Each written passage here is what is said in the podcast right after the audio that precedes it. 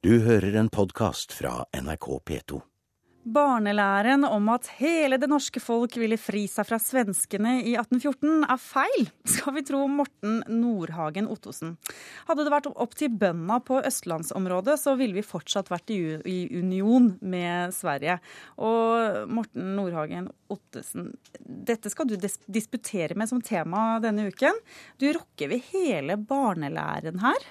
Ja, Det er vi historikere er til for, er det ikke det? Han skal komme der og så feie med storslegga og så snu opp ned på alt man vet, eller hva man trodde man vet.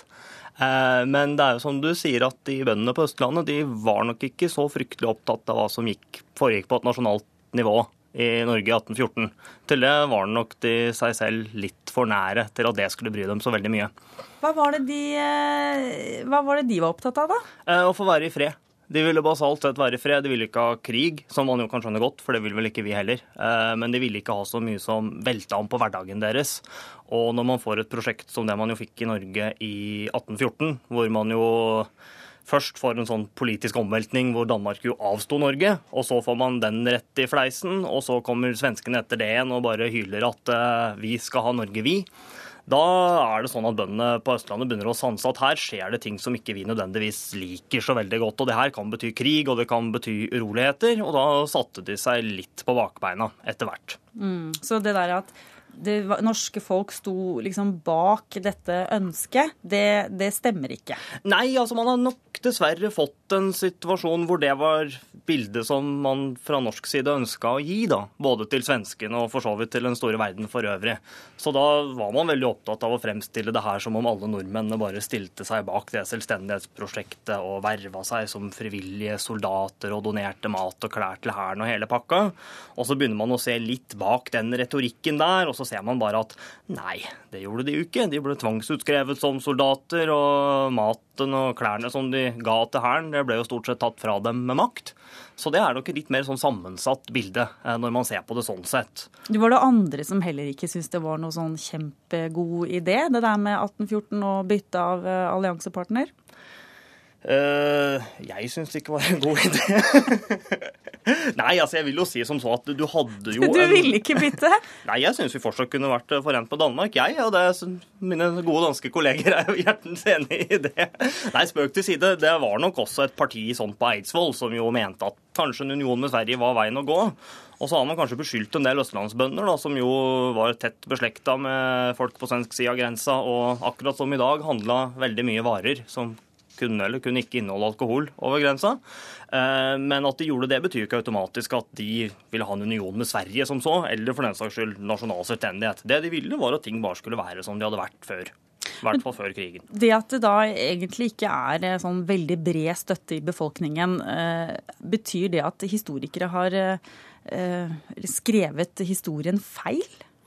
Nei, jeg tror det aldri går an å skrive historien feil, fordi noen eksakt vitenskap er det jo ikke. Det er jo stort sett noen som leser en eller annen kilde, eller forhåpentligvis flere, og så mener man noe på basis av det, da. Det er jo historiefagets natur.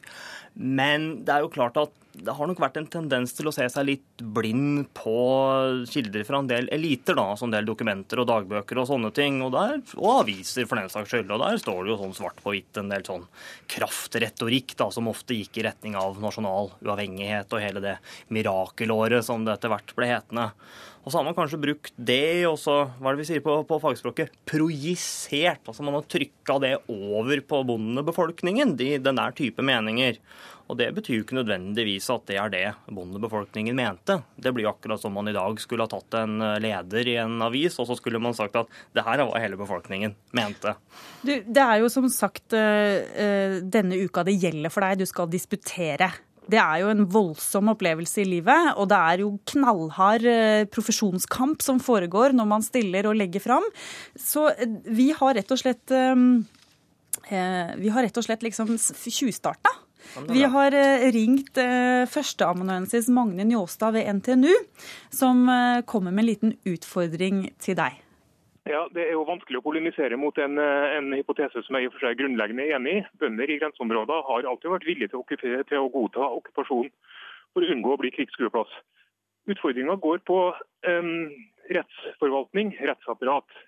vil det ikke være mulig å mobilisere bønder til forsvar for en rettsforvaltning, et lovverk som man kjent og beherska. Ja. Jeg vet ikke om vi rekker å ta hele svaret, men Nei, det tipper jeg. Jeg foreslår at vi nå arrangerer et heldagsseminar, sånn at jeg kan svare nå på utfordringen fra Magne fra oppe i Trondheim der. har du, har du svaret klart? Ja, jeg har svaret klart at eh, det er ikke noe problem å mobilisere mennesker til forsvar for et eh, rettsapparat dersom det rettsapparatet kanskje er trua. Men det var det nå aldeles ikke i 1814. Takk for at du kom, Morten Nordhagen Ottesen, og lykke til med disputeringen. Takk for det.